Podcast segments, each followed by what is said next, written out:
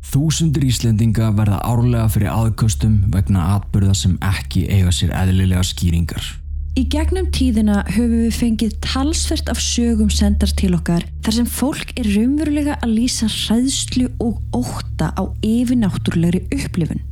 Atvikum sem hafa komið fyrir þau á stopnunum, vinnustöðum en þó lang oftast inn á þeirra eigin heimilum. Í þessum þáttum munum við fara yfir aðsendar sögur, deilaði með þjóðunni og rýna betur í þar saman. Ég heiti Stefan John Og ég heiti Katrín Bjarkadóttir og þetta eru sannar íslenskar draugasögur.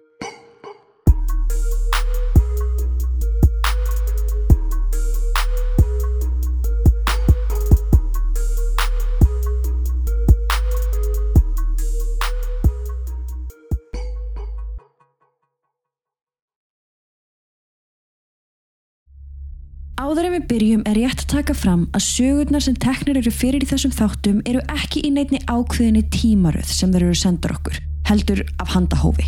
Eftirfarandi sögur eru sannar og koma frá fólki úr öllum stjættum þjóðfélagsins. Allt eru þetta mismunandi einstaklingar á mismunandi aldri. En allt þetta fólk á það sameigilegt að hafa lendi einhverju yfirnáttúrulegu og það hér á Íslandi. Orðalagi og uppröðun hefur lítilega verið breytt til þess að koma sögunni sem best til skila en að öðru leiti eru frásagnirnar nákvamlega eins og þær bárust okkur. Sögurnar verða sagðar í fyrstu personu eins og þær eru skrifaðar og eftir hverja sögu munum við Katrín taka örstuðt spjall.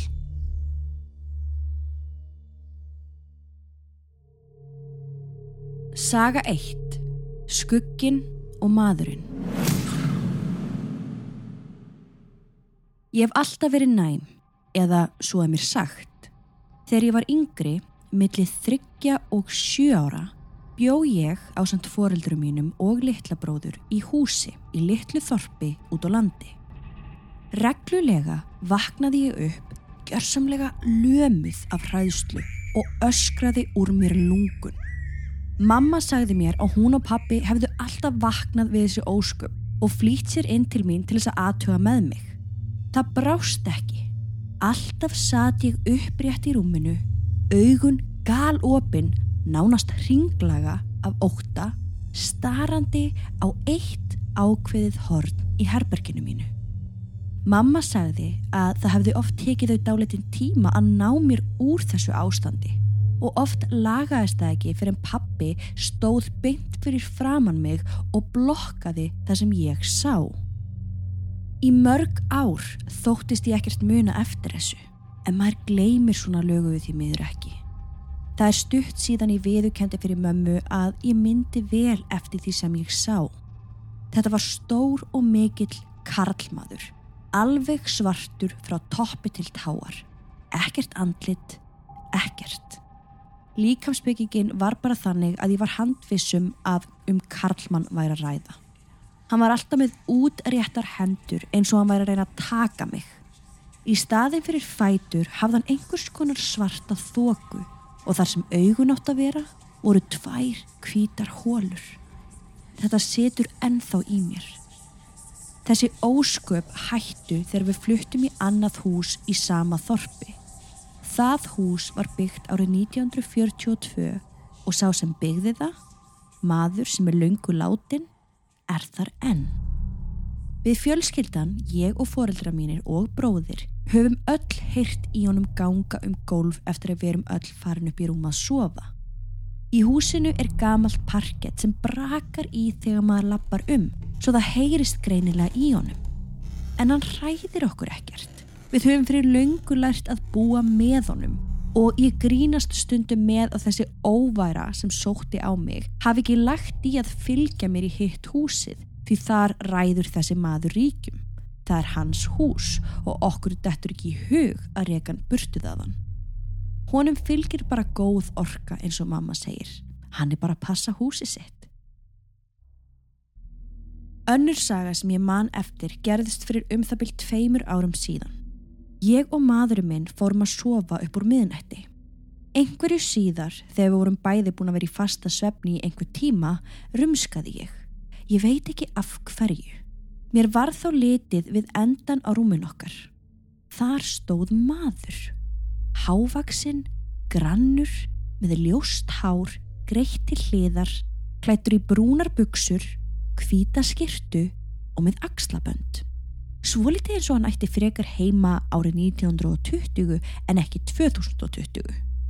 Hann hafði hendur fyrir aftan bak og beigði sig örlítið fram eins og hann væri að virða okkur hjónin fyrir sér.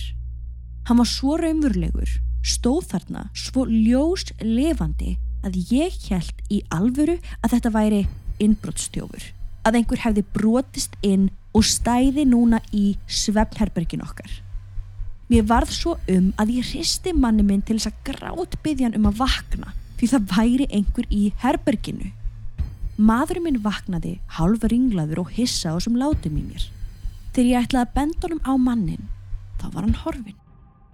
Ég hugsa að honum hafði brugðið meira við lætin í mér en mér að sjá hann. Hálf fyndi samt. Ég var meira hrættum að þetta væri innbrottstjófur en draugur og eftir ég áttaði mig á að þarna hafi eitthvað yfirnáttúrulegt verið á segði, róaðist ég frekar en eitthvað annað. Því tilfinningin var svo að þetta hafi ekki verið slæmur maður, bara einhver sem hafi ráfað inn til okkar og verið forvitin.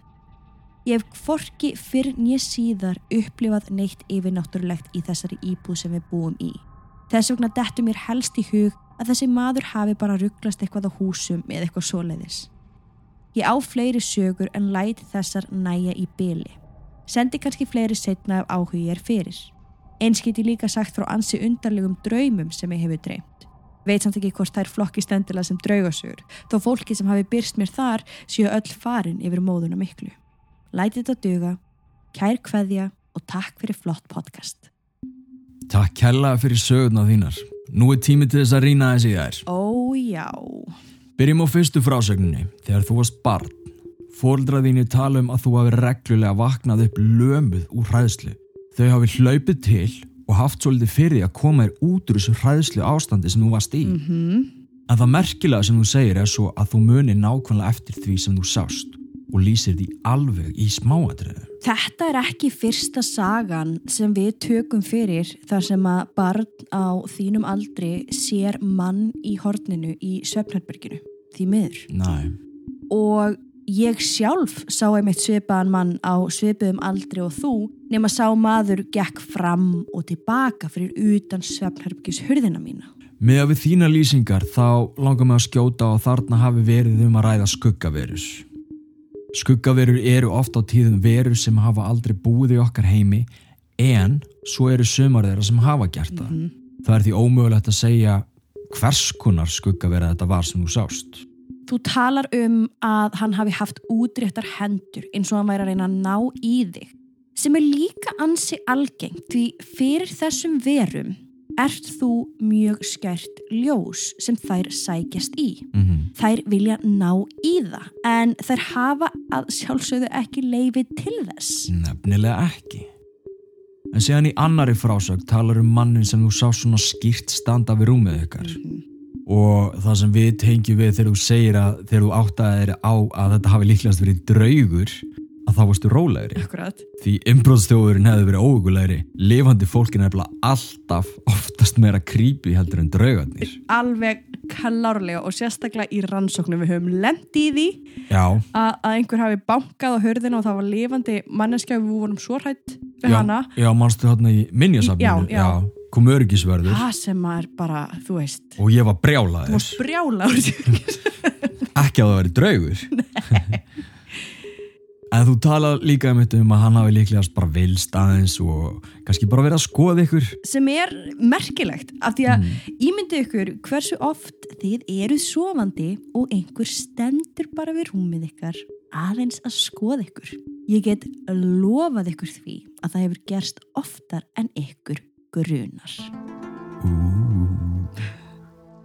Þú sem það ekki fyrir sögurnar þínar þær eru mjög skemmtilegar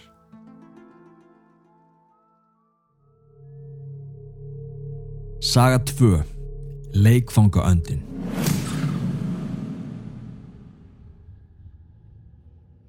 Góðan daginn, ég talaði við Stefán John varðandi að senda ykkur þessa sögum. Þetta upplifði ég sem barn og ég mun fá gæsahúð og ónót við að rifja þetta upp aftur núna 35 áru síðar. Þetta átti sér stað þegar ég var fjögra til fimm ára gamal í nýbyggðu húsi sem fóreldrar mínu byggðu upp úr 1982-1983. Húsi er staðsett í Kvalfjörðasveit og er nummer 14 á myndinni af já.is. Þetta er sem sé í melakverfinu rétt fyrir ofan álverið á grundartanga í 301 postnúmerinu. Ég bjóð þarna frá eins til tveggja árs aldri og til og með fimm ára aldurs en þá fluttu við vestur á fyrði á Bíldudal. Allavega, þá gerðist þessi atbyrður í stofir á húsinu þegar ég hugsa tilbaka þá fá ég sterka gæsáð og þetta er alls ekki auðvelt fyrir mig að rifja upp þótt liðin sig 35 ár frá þessu. Þetta atvikaðist þannig að inn í stofunni var ringlaga brúnt stofuborð með svona tvöfaldvaf fæti allt úr dökkum við, alveg svo þetta á myndinni nema með tvöfaldvaffæti sem er eins og tvöfaldvaff. Við borðið var sófi úr svona gullituðu plussefni með þremur nöppum á baki og þremur nöppum á hverri pullu sem var í sófanum. Sá sófi var þryggjasæta en svo var annar alveg eins sem var tveggjasæta. Ég og bróðum minn vorum að leika okkur í stofunni á svona duck on a wheel leikfangabílum sem við áttum en við áttum öll leikfeng eins því við vorum fættir á sama árinu og fengum því allt eins og hér er mynd af svona leikfanga önd sem er 99% eins en aðri litir, okkar var gulari með svona handfengum og bláum augskugga. Svo voru allir á heimilinu alltaf í tátiljum sem amma mín heitin prjónaði á okkur og fóröldra mína. Tátiljunar spila stóra rullu í þessari sögæði mitt. Nema hvað að mamma var ekki við, líklega í styrtu eða baði og pappi ekki heima, hann var í vinnunni. Ég og bróðum minn höfum verið á fullu bókstala við að leika okkur, keira endurnar á eftir hvora öðrum, hlaupand út um allt hús á eftir hvora öðrum á þeim og hefðu okkur alveg svo bavíanar. Og í þessum leik okkar vorum við báðir í tátilunum okkar því maður ranna aðeins til í þeim á parkettinu og það gæti verið mjög mikið fjör að skauta á parkettinu fjara fem ára. Allavega, þegar við höfum leikið okkur eini svona heilengi þá eruð við þreyttir báðir. Ég laðist í stóra sófan en bróðum minn í þann litla og við sopnuðum. Ég með gæsa húð og tár í augunum við að skrifa þetta. Eitthvað sváum við, en svo vakna ég við eitthvað svakalegan ding og verð skítrættur. Ég fer fram í eldús og finn ekki mömmu að pappa þar. Ég fer þá inn í stofu aftur og ætla að vekja bróðum minn. Það sem blasti við mér þar er eitthvað sem ég mun aldrei gleyma. Bróði minn lág sofand á sófanum en báðar leikfangaendurnar voru á ferð í kringum borðið hver á eftir annari en ekki einn einasta manneski á þeim. Þeir ringsóluðu þarna sjálfkrafa og á milli þeirra voru tátiljur sem löpuðu sjálfar. Það voru fullorðins tátiljur í gulum og mosagrænum lit. Eitt par. Þetta þrenn lappaði ringin í kringum borðið í stofunni og ég rauk hágrenjand út í bílskur þar sem ég fann loksins mömmu. Hún kom með mér inn og þá lág bróðum minn enþá sofandi en endurnar og tátilirnar voru stopp. Ég hef aldrei kunnan eina skýringu á þessu, hvað þetta var eða hvers konar dæmi var þarna í gangi. Ég fæ alltaf smá ógið og ónót ef ég sé fólk í tátiljum í dag út af þessu. Þið megið byrta og fjalla um þessa frásögn. Hún má þess vegna vera undir mínu eigin nafni. Ég hef þannig séð enga að tapa þótt ég sé mjög skeftískur á svona yfirnáttúrulega hluti. Rétt er að geta þess að á sveipuðum svæðum og húsið er byggt eða þarna á melunum og svæðinu þá var úti manneskja stuttu upp úr aldamótunum 1900. Mér hefur ekki tekist að finna út hvort að það var karl eða kona, ungur eða gamall einstaklingur en tengdafæði minn fyrirverandi sálugi sagði mér þetta með að það hafi orðið manneski þarna úti og var hann kunnugur staðháttum í kvalferðinum og í kvalferðasveitinni. Vonandi nýtist ykkur þessi frásög við gerð ykkar frábæru hlaðvartstáta. Ykkur er jáfnframt velkomið að hafa samband ef það er eitthvað meira sem við viljum spyrja út í þessa sögu. Ef hún ratar í podcast þátt hjá okkur, það ættum við væntum að fá sendan link á podcastið þannig að ég geti leift börnunum mínum að hlusta líka.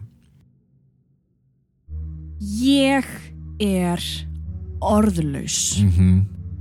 Í fyrsta lagi finnst mér lýsingarnar í þessari sögu nákvæmar og góðar sem gerir það auðveldra fyrir mig að sjá þetta allt saman fyrir mér. Algjörlega.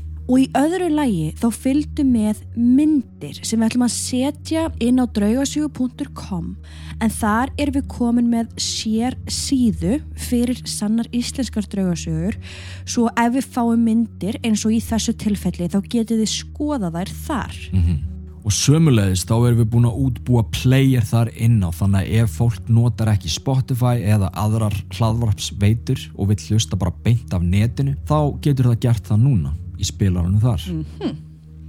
En ok, skoðum aðeins söguna. Þú byrði nýju húsi í kvalfjörðasveit. Mamma er afsýðis og þið bræðurnir að leika ykkur eins og börn gera.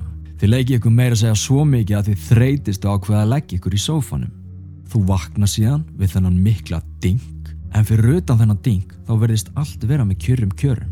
Það er áhugavert að velta fyrir sér hvaðan þessi dingur var að koma. Var húsið á tveimur hæðum og var hann að koma af annari hæð eða fannst þér hann koma utanfrá? Gæti þessi dingur hafa átt sér eðlega útskýringu eða var þetta eitthvað sem að þú hafðir aldrei orðið var við áður? Veist, þetta eru bara áhugaverðar pælingar Já. hvort að einhver hafi mögulega verið að reyna að vekja þig, kannski fá þig til þess að koma að leika. Þú vaknar og ferð að leita mömmuðin en finnur hann ekki. Ferð aftur inn í stofu og sérð bróðuðin sofandi. En leikfanga endunar er að fara hringin í kringum borði sjálfkrafa og á millið þeirra eru tátiljur. Þú talar um að þetta hafi verið fullorins tátiljur þannig að greinilega ekki þær sem þið voruð í Nei. og þú talar um að þær hafi lappað sjálfar. Já, og ég hugsa hvaðan komu þessar tátiljur? Mhm. Voru þær geimdar í körfu inn í stofu til dæmis? Já. Eða ég bara að velta fyrir mér hversu langt þær ferðuðust til þess að enda á gólfinu við borðið? Já, hvaðan komu þær? Akkurat. Þú greinlega horfir á þetta í einhver tíma, þú ferð að gráta og finnur loksins mömmuðina og þegar þið farið svo tvö aftur inn í stofu þá liggur bróðin sofandi og allt er stopp. Þetta er auðvitað bara reymleiki eins og hann gerist lang mestur. Algjörlega. Sko það fyrsta sem mér datt í hug var að þarna væri mögulega andi barns að láta finna fyrir sér og reyna að leika við ykkur. Það er vissulega ekkert eðlilegt við þetta atvik Nei, en mér finnst það vera eðlilegasta útskýringin af því að andar barna hvort sem það eru börn sem voru eitt sinn og lífi eða börn annar staðar frá þeir vilja oft leika við önnur börn já. Og þessi andi er að herma nákvæmlega eftir því sem þið voruð að gera nema eins og þú minnist á þá voru tátilirnar fullorðins. En þá spyr maður, voru það einu tátilirnar sem voru þarna í bóði? Akkurat, af því að börn hafa nú alveg gert annað eins, farið í alltaf stóra skó eða sokka í einhverjum leik. Já. Gæti verið að þessi andi hafi náð í alltaf stórar tátiljur og ákveðið að hefja svo leikin. Já, já. Veist, var, var önnur stærð í bóð einhver staðar? Já, Skilur þú hvert ég er að fara? já og þú veist, svona- voru þið strákarnir ennþá í ykkar, þú veist. Já, akkurat. En svo getum við gefið okkur það að þarna hafi verið andi einhvers fullorðins. Já. Þú veist, áttur afa eða ömmu sem var fallin frá sem hefði geta vilja leika við þig. Af því það er nefnilega alveg svolítið það sem þessi andi er að gera. Mhm. Hann er bókstaflega að leika leikin sem þið bræðurnir voruð að leika. Já, bara endur gera leikin. Já. Ég persónlega sé ekkit syndsamlegt við hennar gjörning. Ég sé bara eitthvað sem vildi vera með hver sem það nú var, sko. Ef þú hefur farið með ungt barn á elli heimili þá hefur þú séð hvernig andlitin á íbúanum ljóma upp þegar þau sjá það. Já, Þau fara að brosa og gera alls konar að ganni sínu til þess að ná aðtekli barnsins. Við getum ímyndað okkur það sama í andaheiminum. Svo margir þeirra laðast að börnum og þeir vilja ekkert illt alltaf. næ. Þú veist, þeir vilja bara vera með og gera sér enga grein fyrir því endilega að þeir séu að hræða. Nema kannski að mögulega áttaði þessi andi sig á hver sem hann var að hann var að hræða þig og þess vegna gera hann þetta aldrei aftur. Já, af því þú nefnilega minnist ekki á hvort að þú hafur orðið var við eitthvað aftur þannig að við getum gefið okkur rauninni það að svo sé ekki. Já, rétt. Þannig að við getum alveg séð það þannig að andin hafi áttað sig á að hann hafi hrætti og ekki vilja gera það aftur. Þetta er allavega ekki eitthvað djöfulegt eða illt myndi ég segja. Maður myndi skoðan möguleika ef að fjölskyldaðin hafi orðið vörfið eitthvað meira, eitthvað annað og eitthvað neikvægt en miða við sögunaðina þá er ekki svo. Nei. En eins og þú sagður, það er sjaldnast markmið drauga að hræða. Þeir eru í flestum tilfellum meilösir. En þetta er ótrúlega saga og ótrúlega upplifun og ég get alveg ímynda mér að það sé erfitt fyrir þau að revja þetta upp. Já, en vonandi höfum við náða að diskutera þetta aðeins með þér og gefa þér nokkrar hugmyndir um hvað þetta hefði geta verið. Takk kærlega fyrir söguna þína. Við erum hér engungu til þess að upplýsa fólk, en ekki rífa upp gömul sár. Við segjum söguna eins og hún er, því hvort sem fólki er líka betur eða verð, þá gerðist þetta hér, á þessu litla landi okkar. Við vorum fyrst til að fara með ykkur á staðinn og leif ykkur að upplifa draugagangin með okkur í rauntíma, nákvæmlega eins og hann er. Við erum með sönnunagögn sem engin annar á Íslandi hefur náð. Það er ástæða fyrir því að við erum fremst í flokki þegar að kemur að draugagangi á Íslandi.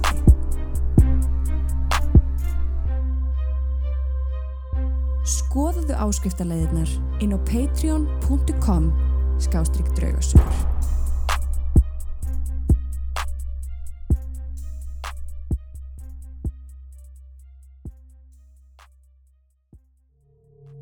Saga 3. Drengurinn og húsið.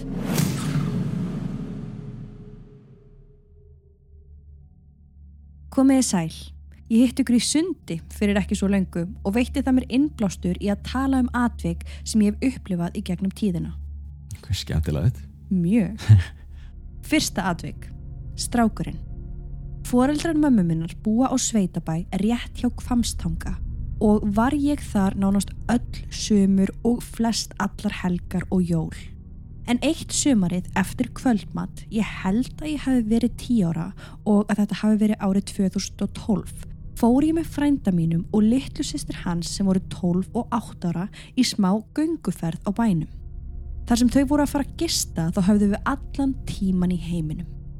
Við löpuðum yfir tvö tún og ofan í gil sem var á milli sveitabæ ömmu og afa og næsta sveitabæjar.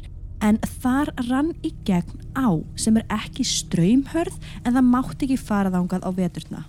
Við vorum búin að vaða í áni og hlaupa í gegnum litla fossin sem var þarna í svona tíu mínútur þegar við sáum lítinn strák sem okkur fannst vera svona sex ára.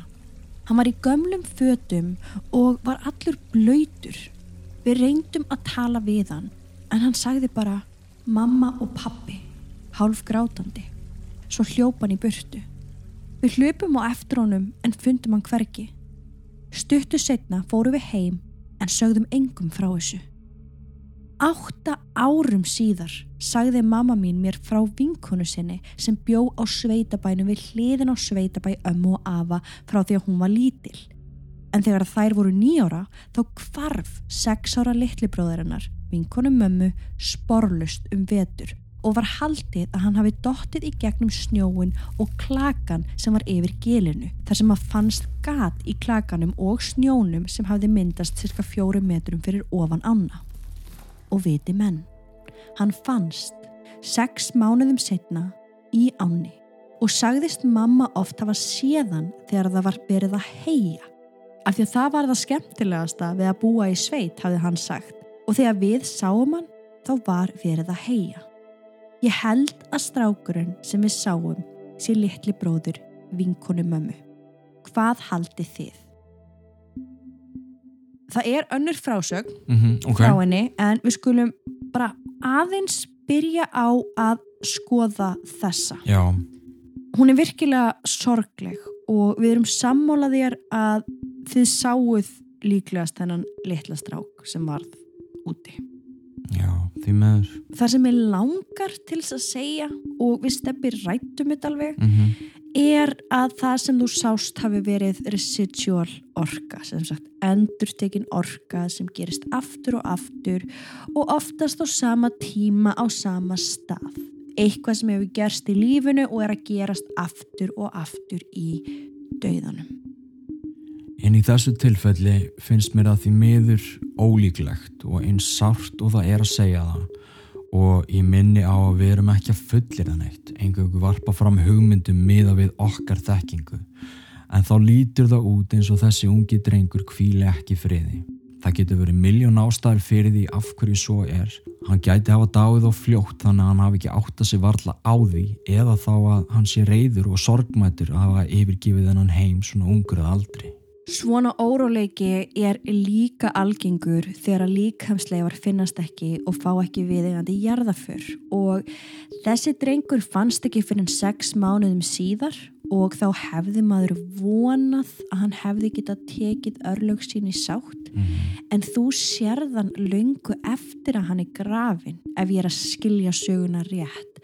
Svo líklegast er hann ennþá að vafra um í okkar heim kannski finnst honum hann eiga eitthvað óuppgert kannski vill hann bara ekki sleppa tökunum Ef við varum að tala um fullorðin kallmann mm -hmm.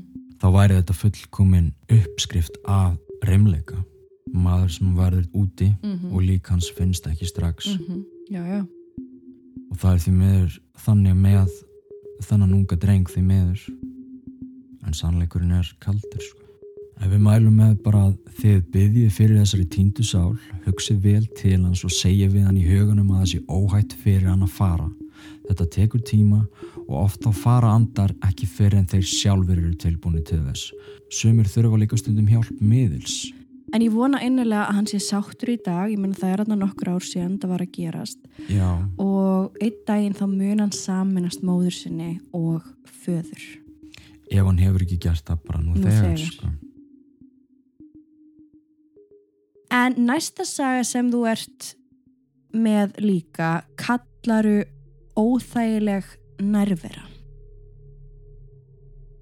Foreldrar mínir keiftu hús á Arnarnesinu þegar ég var 16 ára. Húsið var úr dánarbúi gamals manns sem var ekkill. Okkur var afhengt húsið og byrjuðum strax framkvæmdir sem ég held að við ekki endilega verið byrjunin á þessum draugagangi af því að mér leið alltaf illa þarna inni og sagði það við foreldra mína þegar ég fór með þeim að skoða húsið í fyrsta sinn. En við byrjuðum og tókum allt gólvefni, eldúsinnýttingar, máluðum og brutum niður veggi. Eftir að húsi var það heimilinu sem við vildum fann ég alltaf ekstra vonda tilfinningu og sérstaklega ef ég var ein heima. Eitt skipti sem ég man mjög vel eftir var þegar ég var að fara inn í bílskúr en til þess að komast þangað þurft að fara í gegnum þvottahúsið og eldúsbúr. Hurðin inn í búr var mjög stíf og það heyrðist upp á efri hæðina ef einhver opnaði hana. En svo voru tvö þrep niður í þvottahúsið og svo þung stálhurð inn í bílskúr. Ég kveikti bæði ljósin og skildi báðar hurðarnar eftir opnar. Þegar ég ætlaði aftur tilbaka voru ljósin slögt og hurðin úr þvottahúsinu lokuð. Svo fann ég fyrir mjög köldu lofti fyrir aftan mig og var þá kvíslað í hægra eirað á mér. Hei, hvað ert að gera heima hjá mér? Og ég fann fyrir kaldri hendi á bakinu. Ég hljóp inn í herbergi mitt grátandi úr hræðslu og beigð þar þar til einhver kom heim. Það sem mér fannst skrítnast er það að heyra hurðina ekki lokast.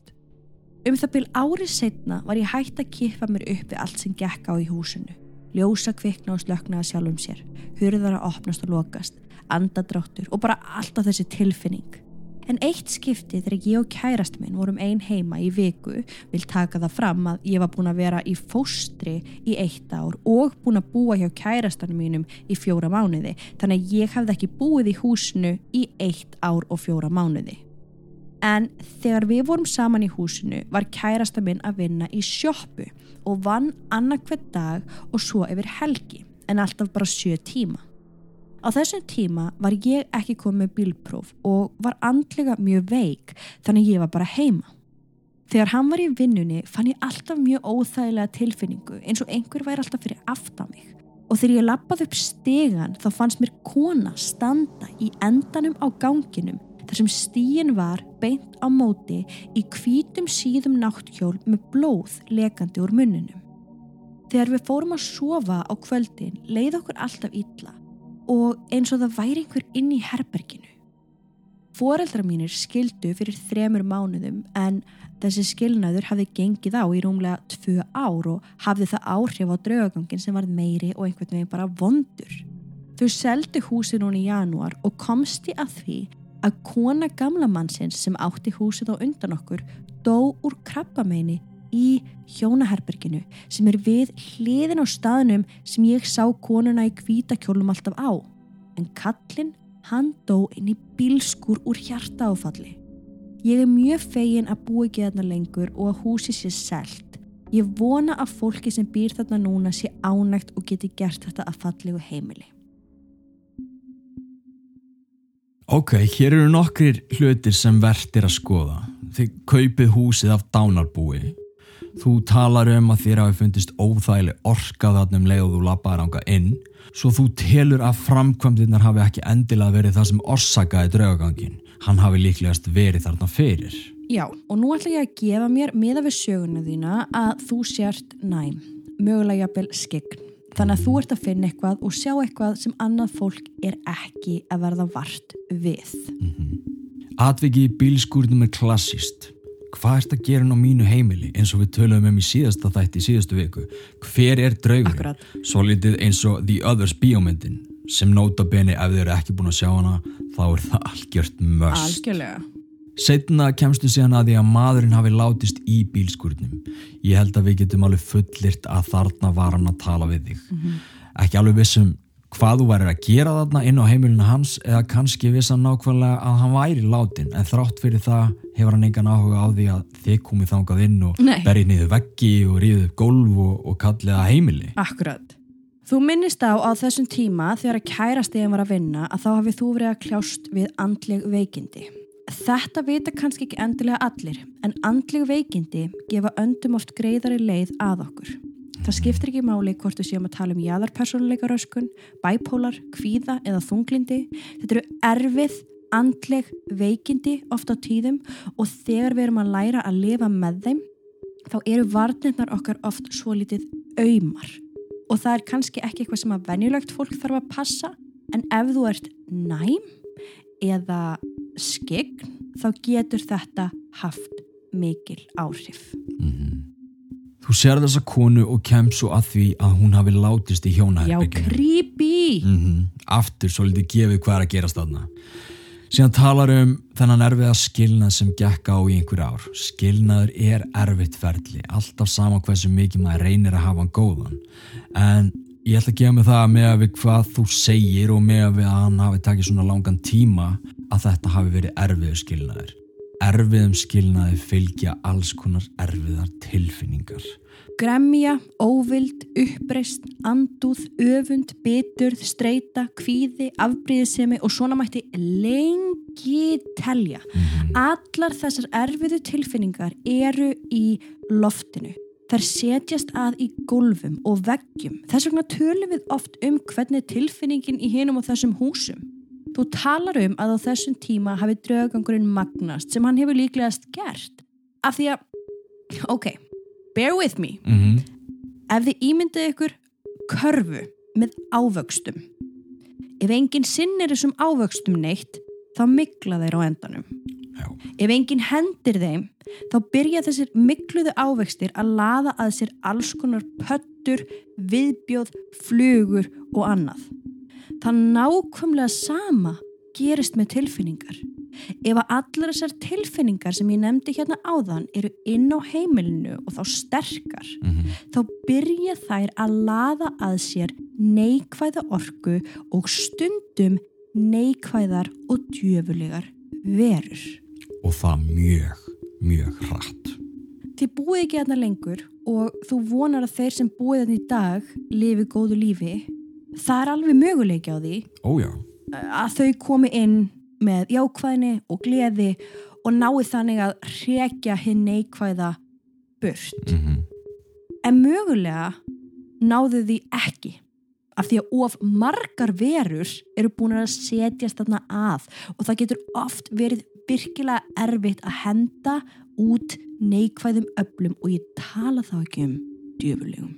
Þetta er áhugavert allt saman og gaman að pæli. Takk bara kærlega fyrir söguna þína og bara svo við veitir þá munum við vel eftir að hafa hitti í sundi. Það var virkilega gaman að sjá þig og takk aftur. Við viljum þakka öllum höfundum fyrir sögur vikunar og ykkur hinnum kærlega fyrir að hlusta. Ef þú vissir það ekki nú þegar þá erum við með annað podcast sem heitir Draugasögur. Þú finnur það á öllum hlaðarsveitum og ef þú hefur áhuga á enn fleiri draugasögum og vilt styrkja podcastu okkar um leið þá skaldu endilega skoða áskriftarleðinar sem við bjóðum upp á inn á patreon.com skástrygg draugasögur. Þar inni eru 250 pluss sögur, myndefni, sannanir, viðtölu við frægustu paranormala rannsakendur í heimi og margt fleira skemmtilegt. Engin binding og þú getur byrjað að bingja núna. Svo næstu dögum munum við deila með ykkur stórum og skemmtilegum fréttum. Svo til þess að missa ekki af neinu skalti endilega fylgja okkur á Facebook og Instagram undir Draugasögur podcast. Sannar íslenskar draugasögur er vikulegt hlaðvarp sem kemur venjulega út á förstu dögum klukkan 12 á hádegi. Svo lengi sem okkur halda áfram að berast sögur frá ykkur í gegnum draugasögur at draugasögur.com mert aðsendar sögur. Takk fyrir að hlusta og þanga til næst.